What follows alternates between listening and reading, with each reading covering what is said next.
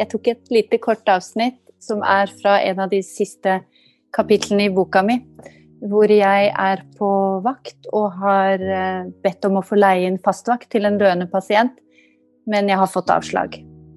Så vi prøver å opprettholde en rulleringskabal oss kolleger imellom for å hele tida være til stede hos en døende pasient. Jeg kom for seint. Da jeg titta inn til henne litt før åtte, mellom to kveldsstell, var hun allerede død. Hun virka så liten der hun lå, som om hun hadde skrumpa inn på den lille tida jeg hadde vært borte. De bleke armene med alle leverflekkene så altfor lange ut der de lå oppå det hvite dynetrekket med de blå blomstene. Jeg satte meg på stolen der jeg burde ha sittet hele vakta. Strøyk og strøyk på kinnet som fortsatt var varmt. Tilgi meg for at jeg ikke rakk det, Ella. Tilgi meg. Jeg klarte ikke å reise meg. I 15 minutter, minutter som egentlig tilhørte en annen pasient, satt jeg som frosset fast til stolen. Mens jeg satt der og så på henne, holdt den rynkete hånda, gråt, forbannet jeg systemet, de trange budsjettene og prioriteringene som blir gjort i eldreomsorgen hver eneste dag. Å prioritere bort fastvakt til Ella for å spare noen kroner hadde gjort at hun den kvelden døde aleine på det 16 kvadratmeter store rommet. Hadde hun vært redd? Hadde hun ropt? Eller trakk hun bare et siste sukk og sovna inn? Jeg visste ikke. Jeg hadde ikke vært der, slik jeg burde.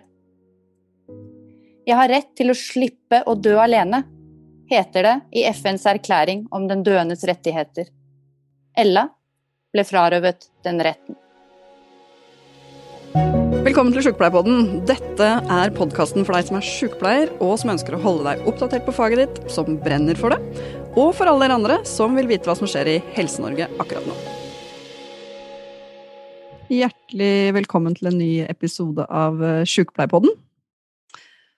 Og det her er en episode som vi har gleda oss veldig til å spille inn, fordi vi har to helt fantastiske eh, sjukepleiere, forfattere, ytringsmennesker på besøk, og de skal vi hilse på litt eh, etterpå.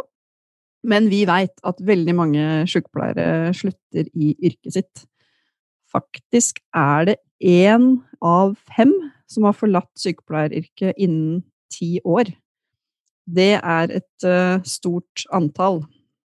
Og grunnen til at de slutter, det er ofte at de ikke orker arbeidsbelastningen over tid, Eh, eller det å være en del av et system hvor de opplever at de ikke kan gi god sykepleie, eller at pasientrettighetene blir brutt. Men allikevel så er det ganske få sykepleiere som forteller om det i offentligheten. Vi er kanskje litt uh, redd for at uh, helsevesenet skal få et dårlig rykte, eller at uh, kollegaene våre skal føle at vi snakker dem ned. Og en undersøkelse som sykepleieren gjennomførte høsten 2020, den viser at tre av ti sykepleiere vegrer seg for å uttale seg om kritikkverdige forhold om sin arbeidsplass. Og det er i frykt for negative reaksjoner fra arbeidsgiver. Så spørsmålet vi stiller i dag, er egentlig hva som skal til for at sykepleiere bruker ytringsfriheten sin, sier fra om kritikkverdige forhold, i stedet for å flykte fra yrket. Kanskje jeg må endre det fra innsida. Og burde jo egentlig kanskje sykepleierens lojalitet ligge hos pasienten og ikke hos arbeidsgiver. Det har kommet flere viktige bøker skrevet av sykepleiere den siste tida. Og eh, to av dem som har skrevet bøker, er her i dag. Nemlig Vigdis Reisæter og Liv Bjørnhaug Johansen. Hjertelig velkommen til dere. Tusen takk. Vigdis, Yep. Du har skrevet en helt fantastisk bok som heter 'Jeg skal hjelpe deg'. Takk for det. ja, det har jeg. Kan ikke du fortelle om uh, hva den boka handler om? Bare kort for de av oss som ikke har uh, lest den. Ja, uh, 'Jeg skal hjelpe deg', den er min avskjed til eldreomsorgen. Jeg valgte, jeg er en av de som valgte å forlate yrket. Det gjorde jeg høsten 2018. Så den boka er en type memoarbok fra eh, min sykepleierkarriere, som var ja, nesten ti år. Og hvordan min vei mot å komme til den beslutninga at jeg faktisk valgte å forlate yrket. Mm. Og nå er, jobber du ikke som sykepleier i det hele tatt lenger, eller? Nei, jeg har ikke jobba som sykepleier siden jeg slutta høsten 2018. Ja. Hm. Nå jobber jeg med noe helt annet. Ja. Og Liv, du, du har også skrevet en, eh, en, bok som jeg tenker nesten er mer sånn kamp, kampskrift. Eller det kan egentlig vi si at begge deres bøker er litt sånn kampskrift for sykepleie og for, for pasientene. Men eh, boka di heter Den lange vakta, og det med undertittelen En historie fra et helsevesen på bristepunktet. Det er sterke ord. Eh, ja, det er det. Det var faktisk Undertittelen var det faktisk redaktøren min på forlaget som lagde. Og den måtte jeg tygge litt på før jeg kjente Oi, kan jeg si det? Eh, men det var litt godt å høre det fra henne, fordi det er jo det jeg har skildra. Og um, jeg tror det var først når jeg var ferdig med boka og så på produktet, at jeg så liksom sammenhengen og systematikken i det. For meg også var det en litt sånn reise å se at oi, ja, det er faktisk der vi er. Så boka mi handler om jeg begynte å skrive om eh, sykepleiere under koronaen, men for å få sagt noe om hvorfor det ble så tøft som det ble. Ikke bare for eh, de sykepleierne som sto på intensiven, men også de som jobb, ikke engang hatt berøring med koronapasienter, men som har jobbet i kommunehelsetjenesten og på vanlige sengeposter andre steder. Så måtte jeg si litt om det bildet vi sto i før det. Så det har blitt en bok som både handler om hvordan koronaen traff oss, og hvorfor ja, at rammene våre var veldig stramme allerede på forhånd. Da. Mm. Men du jobber eh, Du er temaredaktør i Sykepleien, men du jobber også som sykepleier fortsatt, eller? Mm. Ja, det gjør jeg. Det gjør jeg. Nå er jeg sånn eh, ekstravakt, så jeg jobber en gang i uka eller to på sykehuset. Mm. Hva slags reaksjoner har du fått fra kollegaene dine der du jobber? Eh, jo, nå har jeg faktisk byttet avdeling eh, siden jeg ble ferdig med den boka. Det er kanskje litt tilfeldigheter og litt Jeg vet ikke om eh, Men men jeg, jo, jeg har fått, uh, fått, stort sett veldig gode tilbakemeldinger fra uh, andre sykepleiere, da. Mm. Kjenner de seg igjen? Ja, de gjør jo det. De gjør jo det. mm. Det gjorde jeg òg. Eh, både Lille og jeg har lest begge bøkene, og vi kjente oss igjen veldig begge, begge to. Nå har ikke Lill kommet inn i podkasten vår enda, men hun kommer nok etterpå. Da skal vi spørre hun, for hun sendte nemlig en litt sånn tåredryppende melding til meg når hun leste 'Jeg skal hjelpe deg'-boka, så jeg tror, tror, den gjorde inntrykk. Men det er det vi mm. skal snakke om i dag, i hvert fall. Det er uh, om konsekvensene av å varsle om kritikkverdige forhold er for store til at vi tør å ta tak i det, eller om det handler om andre ting. Uh, men Vigdis, du uh, i begynnelsen av boka di beskriver du hvordan du pleide mormora di på slutten av livet. Ja. Og hvordan du da bestemte deg for at nei, det er sykepleier uh, jeg skal bli. Mm. Kan du ikke beskrive det Kan du ikke beskrive det du forteller om i boka der litt? Ja, altså jeg skulle jo det skal jeg si, jeg skulle jo ikke bli sykepleier. Jeg, det, nei, det er det ingen som skal. Jeg kommer jo fra en familie med tanter og mor og mormor og alt eh, med sykepleiere. Det skulle iallfall ikke bli. Men eh, så eh, hadde jeg en mormor som falt og brakk kragebeinet. Og det Hun var over 90 år, og det blei såpass hun ble såpass pleietrengende av det i påvente av en sykehjemsplass.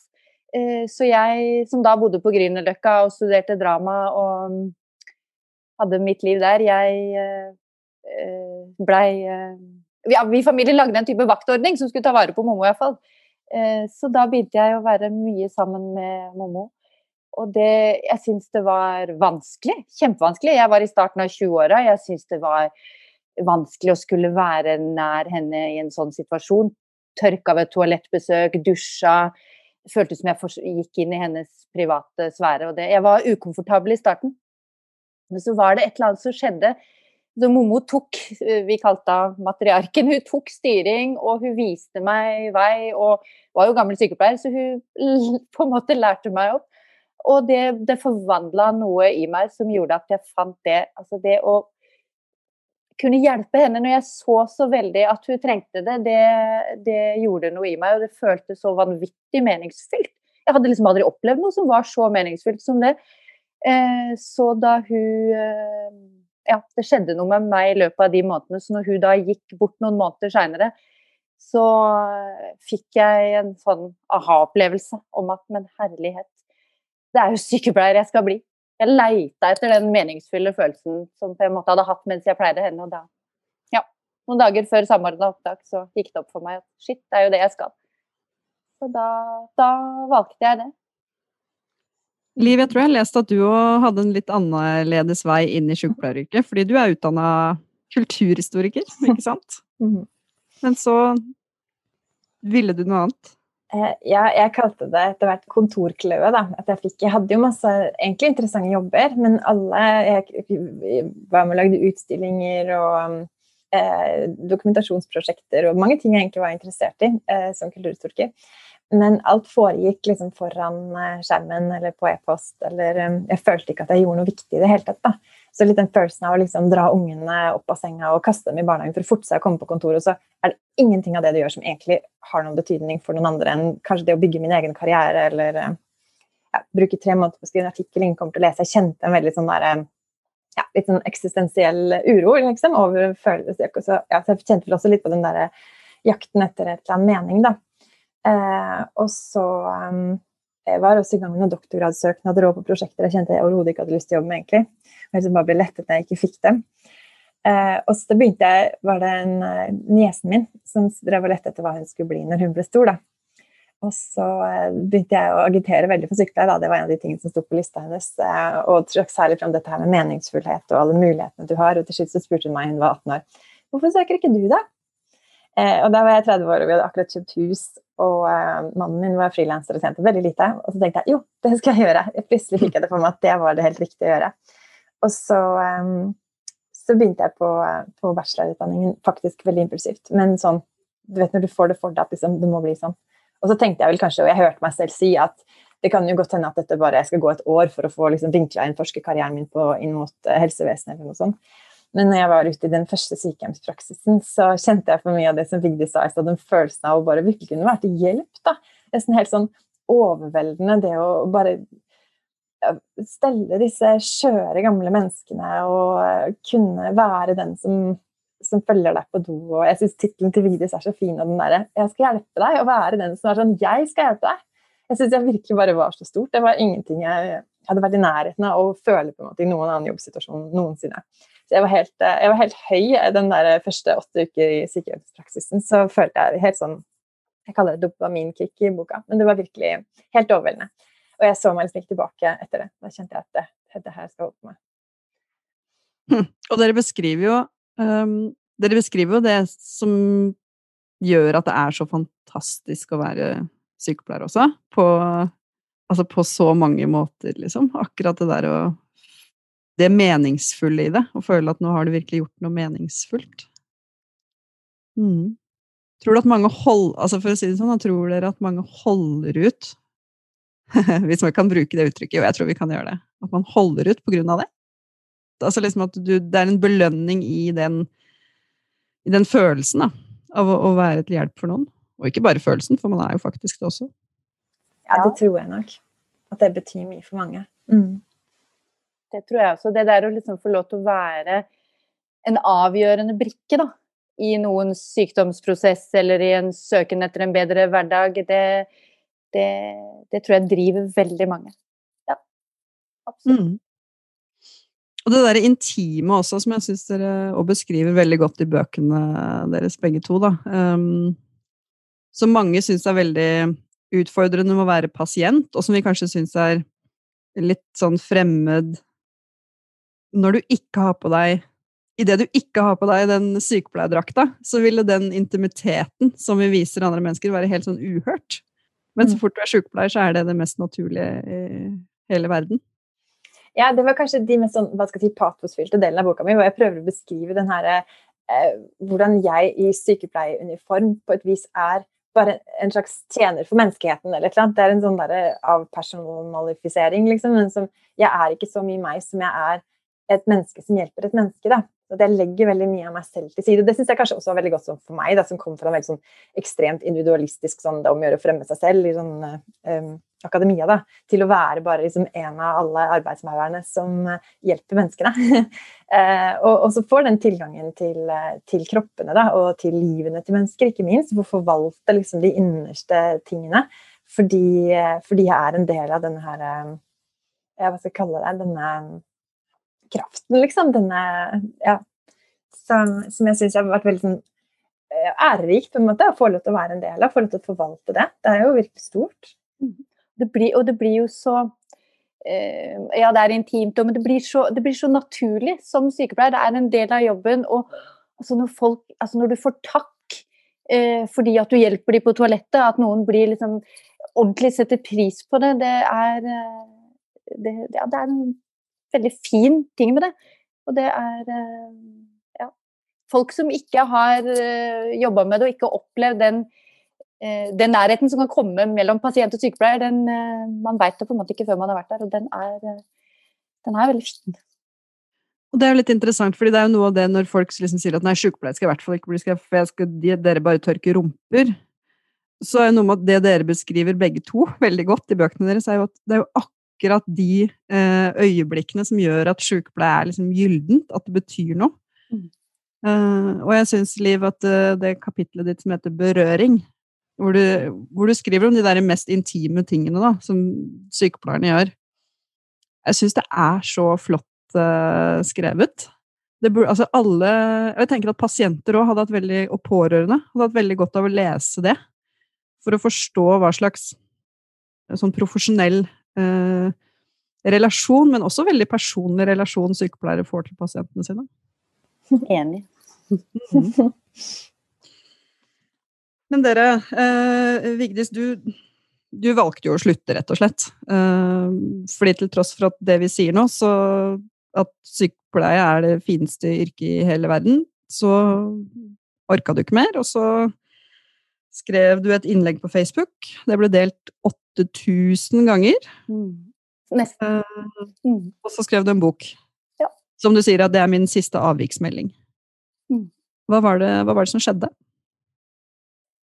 Det som skjedde, var at eh, Altså, det var jo en prosess over tid, men eh, jeg opplevde så Sammen med alle disse gylne øyeblikkene og sammen med alt det fine, så opplevde jeg så mye som var ordentlig uetisk, ordentlig kritikkverdig. Jeg opplevde at pasientene ikke fikk det de hadde krav på.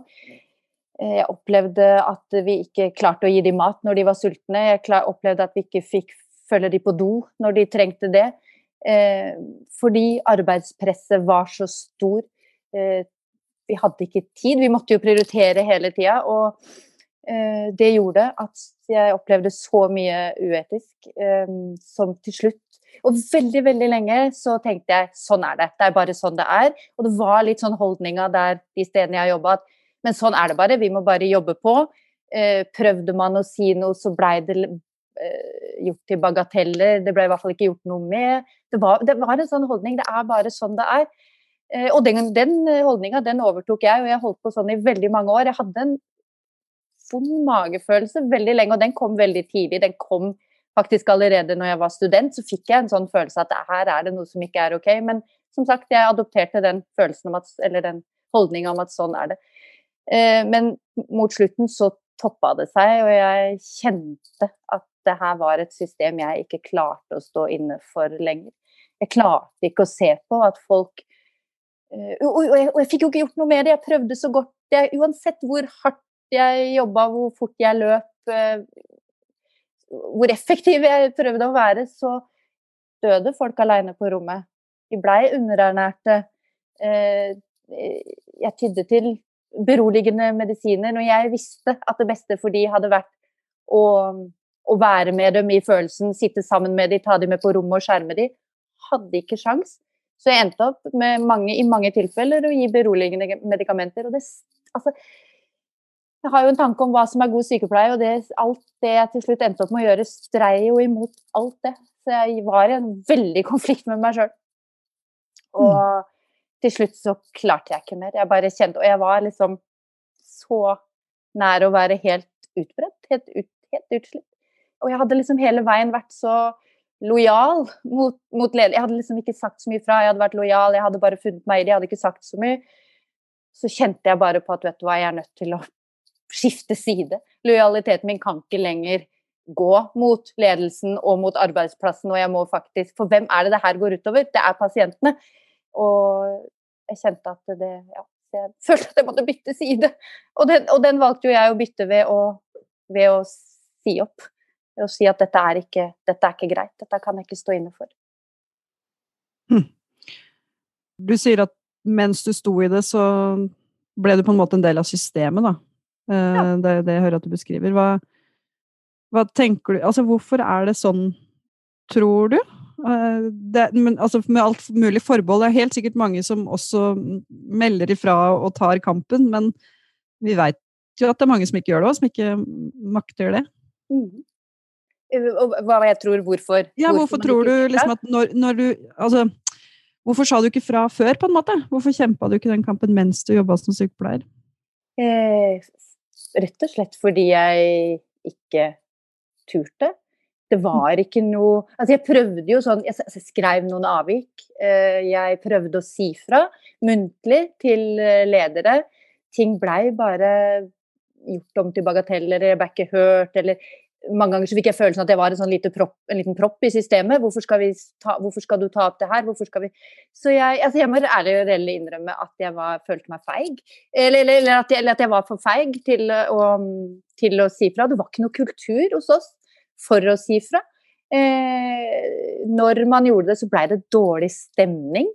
Eh, og det var eh, det, det, det, gjaldt ikke meg, men flere av mine kollegaer som prøvde å si fra, fikk beskjed om at ja, det er tøft å jobbe på sykehjem, og hvis ikke du klarer det, så kan du kanskje se deg om etter å jobbe et annet sted.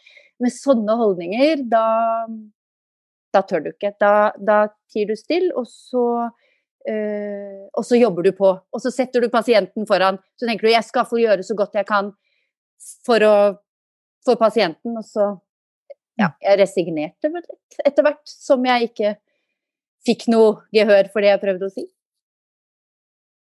Hva tror du, Liv? Du har vel også jobba med en sånn ytringsfrihetsutgave av Sjukepleien som hadde det som tema. Hvorfor er det så få som sier ifra? Eh, det tror jeg er flere ting. Og jeg hører det Vigde sier, rimer veldig godt med de tingene vi, vi fant da, i både intervjuet vi gjorde og i den spørreundersøkelsen som du nevnte innledningsvis. Og jeg mistenker kanskje også at det er uh, trangere ytringskår i kommunehelsetjenesten enn det er på sykehusene. Um, men akkurat det du sier om at det blir dårlig stemning, og at du blir en vanskelig person, og at man hele tiden får høre at sånn her er det, og hvis du ikke får til det, så er det du som er et problem. Og det ser vi jo veldig ofte i de varslersakene også. At det blir som flyttet fra å være varslersaker og til å handle om det som det blir varslet om. Dette handler om personen, og det blir en sånn personalsak da, som gjerne ender med og flere av de varslerne vi intervjuet uh, da, som fortalte at arbeidsgiver kom også trekkende med altså, all mulig annen som gruffer. Ja, det var en student som klagde på deg i fjor, og vi vet at du røyker på verandaen. Liksom, når du egentlig klager på, på medikamenthåndtering, f.eks. Mm. Um, eller bemanning, da så det er nok en sånn tendens til en sånn, kan vi kalle det splitt og ersk-teknikk, kanskje for arbeidsgiver, som ender med at vi ikke står sammen og vi ikke støtter hverandre, og at de, de som faktisk sier fra, blir stående veldig alene. Det var det også veldig mange av de som sa de intervjuet, at, at det opplevdes som veldig ensomt å være, å være en som sier fra. Så der tenker jeg vi har en kjempeutfordring for å faktisk støtte hverandre. Og selv om noen melder om noe du kanskje ikke engang er enig om, så er det helt greit å støtte noen for retten deres til å si det. At de tør å si fra. Og at vi skal, um, skal slutte å tenke at uh, hvis du går hjem fra jobb med vondt i magen, så er det ikke du som er problemet, det er jobben din. Mm. Det er rammene for arbeidet ditt som, uh, som, ikke ligger til rette for at du kan gjøre jobben din på en måte som gjør at, at du føler at du har gjort, gjort det ordentlig, da, og i tråd med både forsvarlighet og yrkesetiske retningslinjer. Ja, og dette med rammebetingelser, det Vi har jo nå kom Lill inn til også.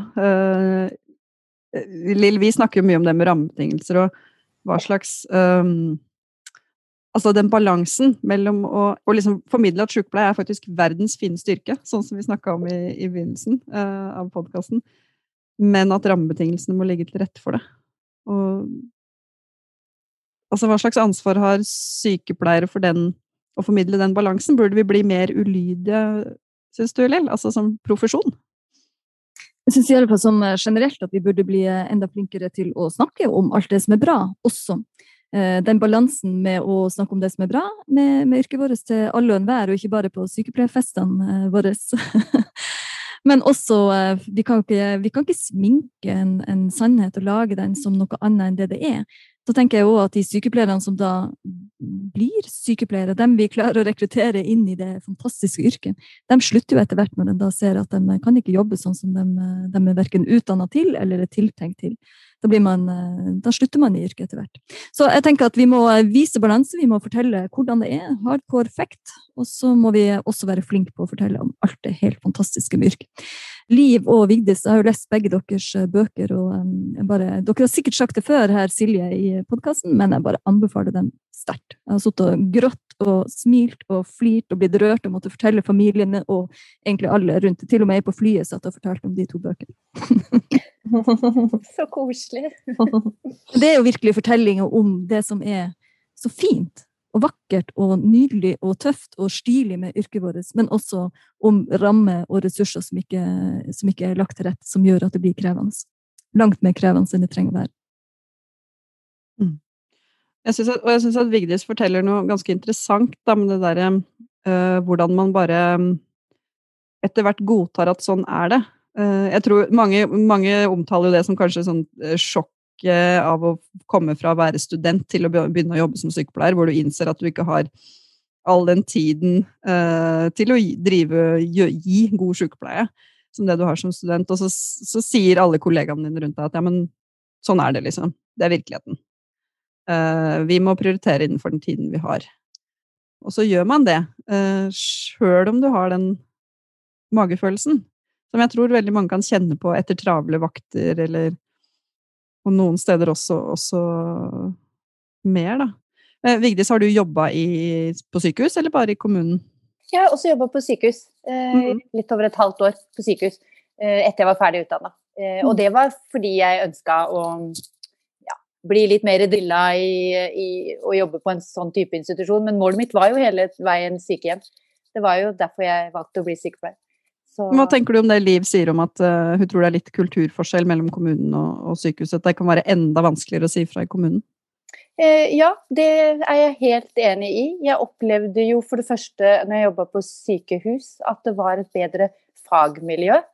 Eh, man var jo hele tida omringa av andre sykepleiere, leger, og det var mer rom for å snakke om, ja, om fag og, om ting, da.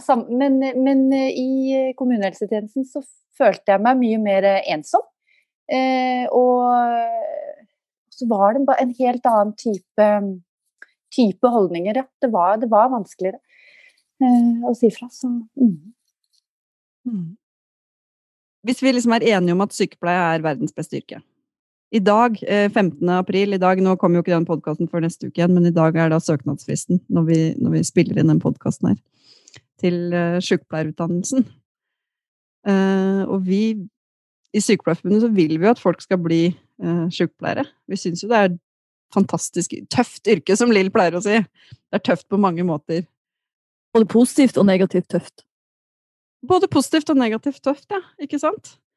Altså, jeg prøvde å jeg, jeg, jeg kommer tilbake til det stadig vekk, for jeg syns det er utrolig vanskelig å vite hvordan man balanserer det å liksom fortelle det som er veldig, veldig fint, men samtidig være en en som varsler.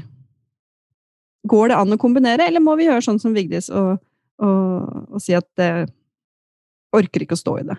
Hva tenker dere om det? Jeg håper jo at det skal gå Jeg tenker jo at Litt av det som gjør Det er egentlig de samme tingene som gjør den jobben helt fantastisk, som gjør at det er så ille når det ikke rammene er der. For det er akkurat det at du virkelig forvalter noen andres eh, liv og velferd og helse eh, som gjør at det er så innmari vondt, da, og, og moralsk stressende og, og, alt dette her når du ikke får gjort det du skal, fordi du faktisk Noen lider fordi du ikke har tid til å være to steder samtidig, da.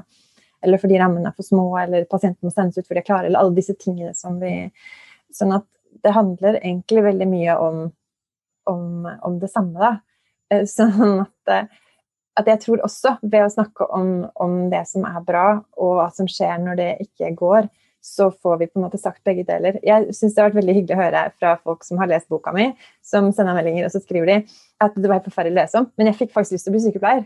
Og da tenker jeg at yes! Eh, at hvis vi klarer å fortelle begge deler samtidig hele tiden, da, så, så, tror jeg likevel at det både vil styrke posisjonen vår og, og faktisk allikevel føre til rekruttering. Da. Folk, um, og jeg tror jo at vi må bare vi må bare også være flinke til å fortelle alle sykepleiere at uh, det var jo kanskje det viktigste med ytringsfrihetsnummeret da, var jo at rettighetene er jo på vår side. Ytringsfriheten er kjempesterk. Uh, den lojalitetsplikten er på en måte, den er ikke lovfestet. Den har altså, så liten tyngde i forhold til ytringsfriheten. Så lenge du passer på at du ytrer deg ikke på vegne av arbeidsplassen din, men som enkeltperson, så er det veldig lite grenser for hva du kan si og til hvem. Så det at vi, at vi, forteller og at vi forteller og at vi forteller om hvordan ting er, hva vi tenker, og det syns jeg har vært kult også etter koronaen. Det er eh, nå kommer jo alle disse bøkene samtidig, og det har jo også vært et år hvor det har vært veldig mye kronikkskriving og meningsytring og lange Facebook-innlegg som har blitt delt masse fra sykepleiere. Og det tenker jeg er veldig løfterikt. Og det at vi snakker om, om, eh, hva som er problemene, tror jeg egentlig ikke vil hindre eh, rekrutteringen hvis vi samtidig får vist at vi for det ligger jo en kjærlighet bak jobben. Når du, når du ytrer bekymring for arbeidet ditt, så ligger det jo en kjærlighet til arbeidet i det. Ellers hadde du jo bare gjort noe annet. Mm. Så utrolig artig at du sier det, Liv. For at uh, jeg er jo ei dame som jeg ordner de her uh, vippene. Det er liksom det jeg gjør innimellom. Men jeg ordner sånne vipper, løsvipper på. Og da ligger jeg jo en time flatt og prater med henne mens hun fikser de vippene mine. Og jeg har da sikkert fortalt ganske mye om sykepleie og uh, om lønn og tariff og frontfag i det hele tatt. Men sist gang så fortalte hun at hun hadde søkt på sykepleierutdanninga. Og jeg bare what?! så jeg har ikke skremt deg unna, unna, det, altså. Nei, hun hadde derimot hørt på alle de den, den fortellinga, den stoltheten som hun også hadde, på, hadde når jeg prata om sykepleieryrket, og tenkte at ja, nei, kanskje det var det hun skulle gjøre. Hun hadde da jobba som eh, som assistent på sykehjem eh, tidligere. Så jeg, jeg drar henne i alle fall ikke inn med noen intensjoner om at det er annet enn et, eh, en tøff jobb og belastning, og at det er lavt, eh, lavt betalt, men at vi kommer til å få det til. Det kommer til å bli, bli, bedre, og vi er nødt til å få det bedre. Og vi er helt avhengige av sykepleiere som gjør en ordentlig jobb ute i kommunene, og ikke minst ute i kommunene, men også i spesialisthelsetjenesten. Så jeg har òg lagt merke til alle dem som skriver, alle dem som ytrer seg eh, det her året. Eh, så den applausen til sykepleierne har kanskje også vært med på å gjøre at det er lettere å fortelle om yrket. Både om det som er bra, og det som er emosjonelt krevende, og det rammer og ressursene selvfølgelig som, eh, som ikke, ikke, er til stede. Mm. Og det er fint, for blir vi mange nok som sier det samme, så er det liksom ikke, da er det ikke Vigdi som, eh, som eh, ikke får seg jobb i etterkant for at hun er så vanskelig. Da er det en eh, allmenn stemme fra sykepleierne at hei, hør oss, det her er problemet. Det er et problem for oss, men ikke minst er det et problem for pasientene og pårørende. Ja, for Vigdis, du, du, søkte jobb nå i forbindelse med korona som sånn ekstra vakt, har jeg lest, men det fikk du ikke Nei, ja, altså den dag, ja, det stemmer. Den dagen eh, når Oslo kommune gikk ut og trengte sykepleiere, så meldte jeg meg dag én. Ja. Eh, og da tok det ikke lang tid før en ja, helse- og omsorgstjeneste i Oslo kontakta meg.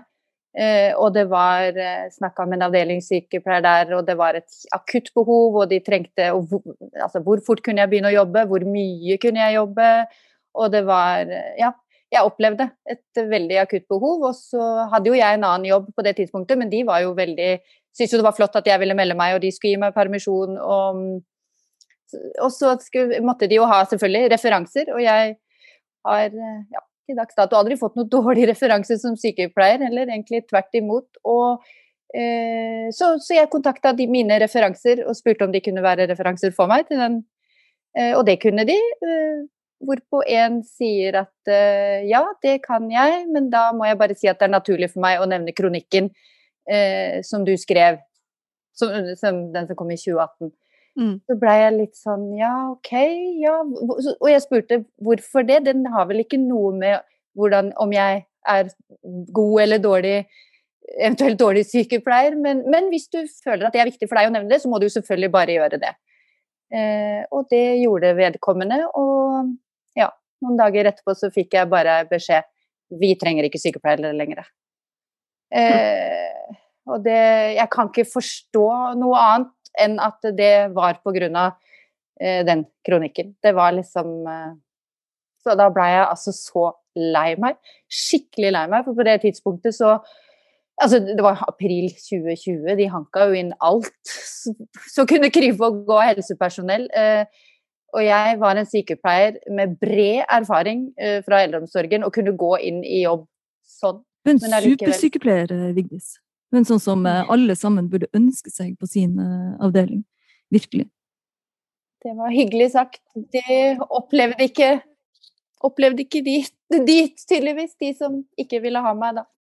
Nei, det er jo, eh, Silje, vi har jo diskutert det også i løpet av det året som har vært, at det har vært en del Særlig når det f.eks. kom smitte inn på sykehjem her i uh, høst. Uh, så ble vi kontakta av uh, noen, både helsefagarbeidere faktisk, og sykepleiere som jobba som vikarer, og som hadde meldt ifra om uverdige forhold.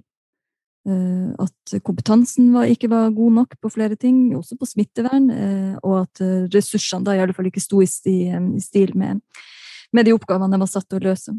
Og det de opplevde, var jo at de ikke fikk flere vakter. Så det er jo det samme. Så når du melder ifra, så får du ikke flere vakter. Det, det, det går ikke an! Hva er det for noe? Det er, jo, det er jo akkurat de folkene som melder ifra om Du tenker deg hvis det hadde vært på et fly, så hvis du melder ifra at det er en del med, med motoren her som ramler av, men ok, men da får ikke du flere vakter her.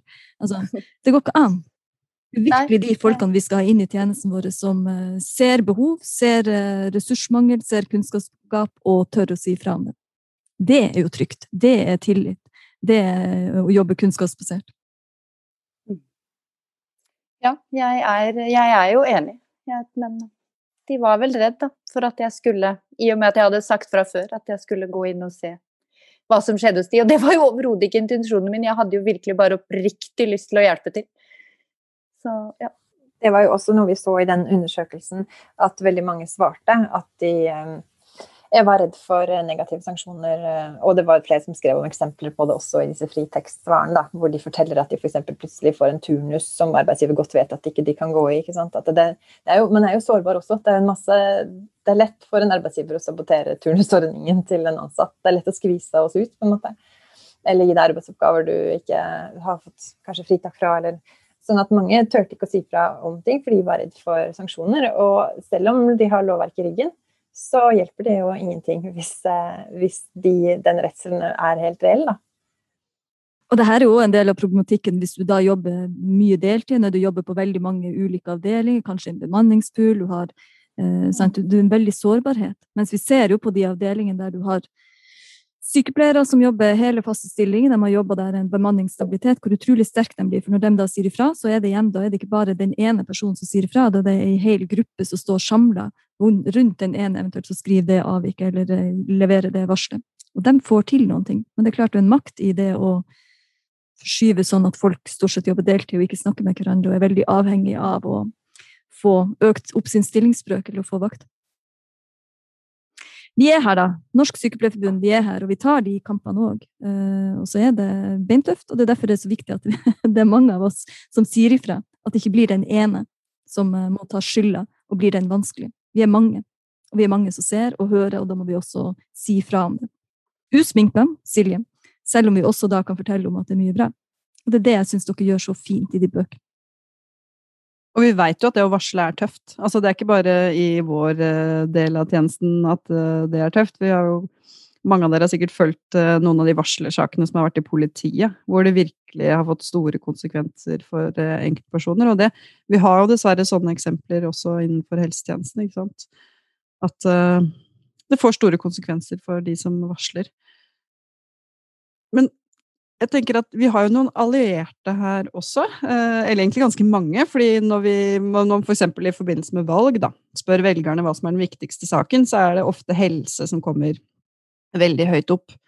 Og vi har jo noen veldig store pårørendeorganisasjoner, pasientorganisasjoner.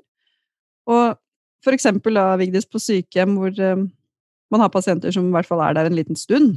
Mm. Um, hva sa de pårørende? Altså, I hvilken grad tør pårørende å varsle? For det, det er jo deres mamma eller bestemor eller kjæreste som bor på sykehjemmet. Da. Vet dem egentlig om hvordan det kan være?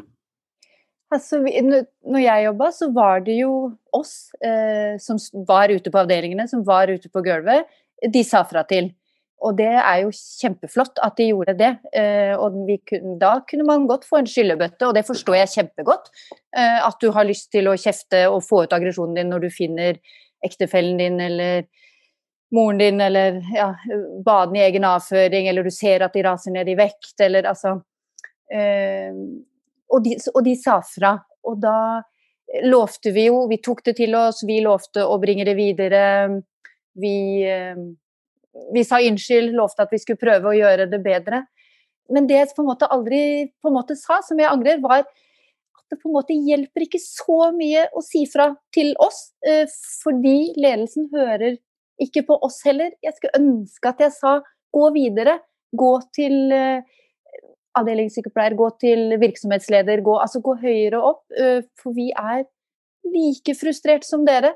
Men jeg sa jo ikke det apropos det jeg sa i stad om å være lojal. Man mm. er lojal til ledelsen, så man uh, står heller og tar de skyllebøttene. Og jeg heier jo på at pårørende skal si fra. De, akkurat, altså, de, de, må si fra, de må rope høyt. De må heller ikke godta det, det de opplever som negativt. Uh, men jeg tror på en måte, iallfall sånn som jeg opplever det, at det er Eh, at de må gå høyere opp i systemet enn til oss. For når vi, når vi bringer det videre, så stopper det veldig ofte på vaktrommet eller på, på kontoret til avdelingssykepleiere. Kommer ofte ikke videre. Men jeg heier på pårørende som sier fra, og gjør det. Virkelig. Mm. Jeg vet ikke, Silje, har du nevnt noe om Pårørendealliansen? Nei. Nei? For det er du òg. Jeg tenker at det er en, en viktig alliansepartner sånn sett for oss. Eh, og det er en skikkelig god organisasjon for nettopp det å hjelpe pårørende i en situasjon. Og det å kunne levere også sånne typer meldinger til, til dem. Eh, det skal selvfølgelig gå til ledelse på den plassen der det er, men også kunne melde ifra om situasjonene til, til dem, sånn at de også kan ta det opp på et mer overordna nivå. Det er klart at det som skjer på det ene sykehjem, det er sjelden bare det ene sykehjemmet. Det vet vi jo. Eller en ene institusjon. Det er et landsomfattende problem.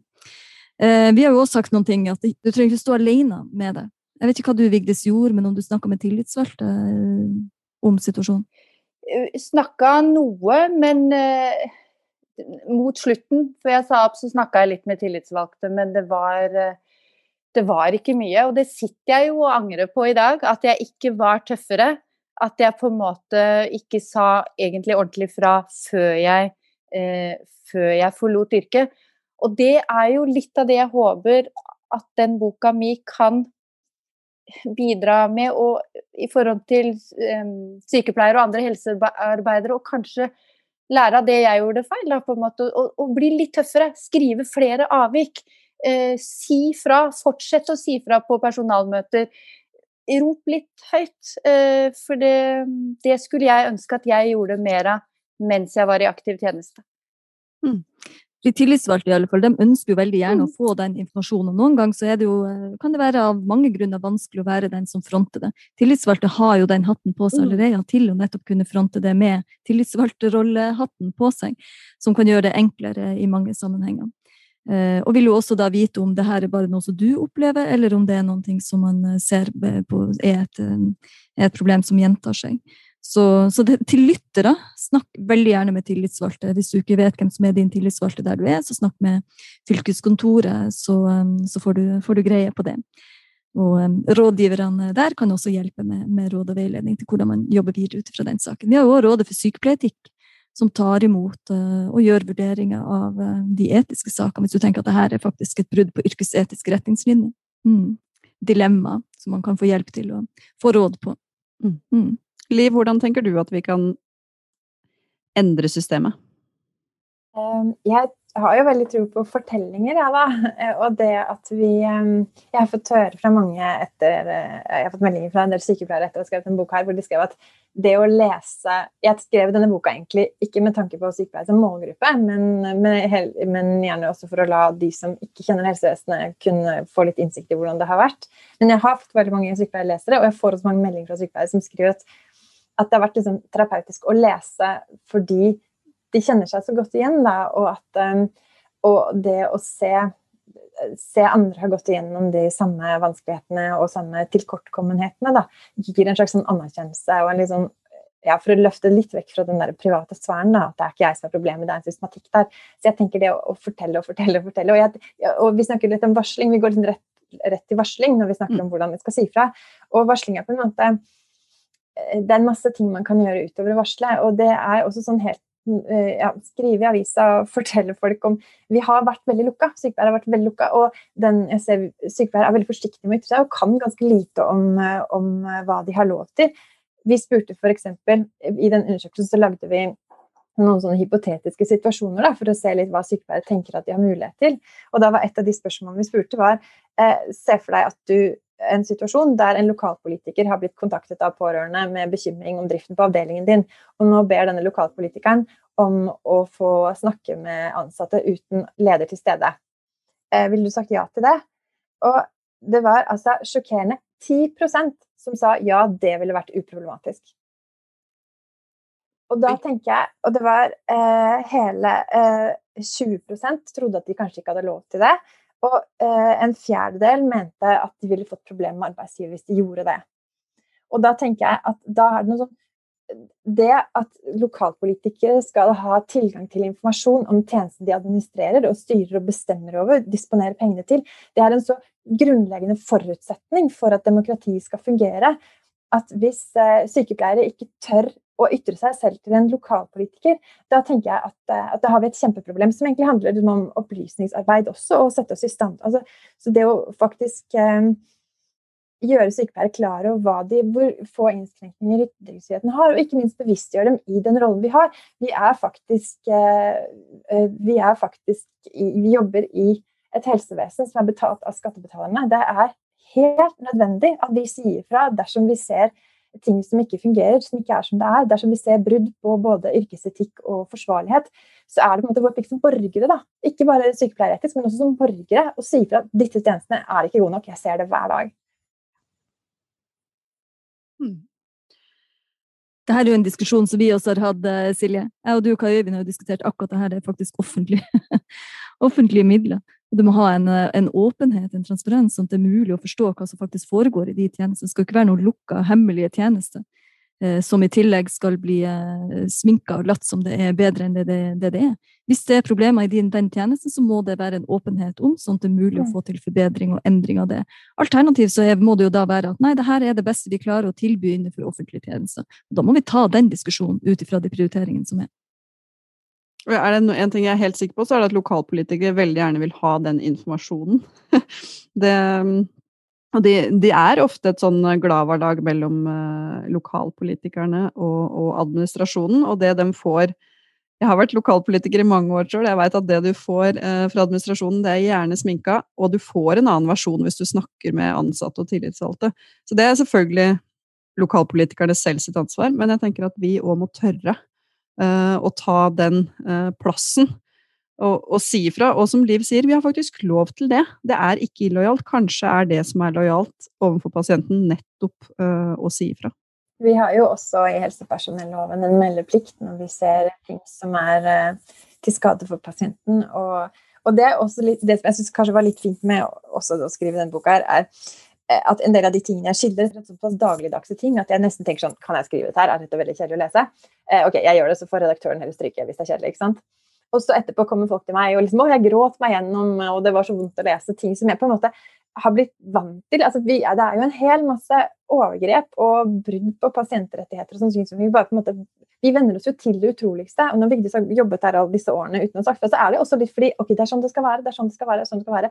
Og vi kan jo også bli litt eh, Jeg syns alltid det er en sånn vekker å få sykepleierstudenter som kommer inn med de store blå øynene og bare virkelig lar seg berøre av hver gang du går fra noen som egentlig vil at du skal bli der, eller hver gang du smertelindrer litt seinere enn du egentlig burde. og ikke, altså Alle disse tingene som vi bare venner oss til hele tiden når de kommer inn og bare du ser at de liksom står der med blanke øyne, så får du litt sånn vekker at ja, det er egentlig der vi burde være hele tiden. Og hver gang vi kjenner på den vonde magen, så må vi faktisk tenke at eh, hei, her har jeg et ansvar. Tenker jo, i hvert fall For min del så handler det der med å tørre å si fra, det handler så mye om ledelse på, på, på hver enkelt institusjon. Altså, man må få en bedre kultur for å si fra. Det må på en måte starte på vaktrommet, det må starte hos avdelingssykepleier, som legger opp en kultur for at dette er greit. Altså, tenk hvis vi hadde ledere, og det har vi jo, jeg skal ikke si at dette gjelder alle, vi har jo absolutt det. Men jeg ønsker meg liksom flere ledere på mellomledernivå da, som kunne se på det som noe konstruktivt. At, at vi pleiere kom og sa ifra, og ikke så på det som et angrep. For det er det jeg opplever at mange gjør. Det blir på en måte et angrep mot, mot, mot de og mot høyere opp i ledelsen. Men, men at de kan ja, klare å se på det som noe konstruktivt og, og, faktisk oppfordre til å gjøre det. Si fra hvis dere ser noe. Hva kan vi gjøre bedre? Det er jo ingen sykehjem som er perfekte. Eh, sånne ledere ønsker jeg meg. For min del så tror jeg mye kunne starta der. Eh, jeg tror eh, man må jobbe for en kultur hvor det er greit. Og det tror jeg jo man har fått til på mange sykehus. Jeg ser i hvert fall det med alle disse forbedringsprosjektene hvor vi virkelig blir oppfordra til å føre avviksmeldinger. Jeg hadde en litt sånn eh, kulturkrasj når jeg gikk fra sykehjem til kommunen og liksom, ble virkelig uglesett. Ja, da var jeg vant til å skrive to og tre avvik om dagen liksom, fra sykehuset fordi, og tommel opp for det. Mm. Mens på sykehjem, ble, nei, i kommunehelsetjenesten, så ble det på en måte en greie. Det å skrive et avvik var liksom greie. Da kunne komme kollegaer etterpå og være litt fornærma for at du hadde meldt dem, liksom. Eller mens jeg er helt uskyldig hadde liksom Oi, her er en tom du satt, det må jeg jo melde, den skulle vært full. Så liksom Ja, så det er noe med den Og jeg syns virkelig at de har fått til noe på sykehusene der.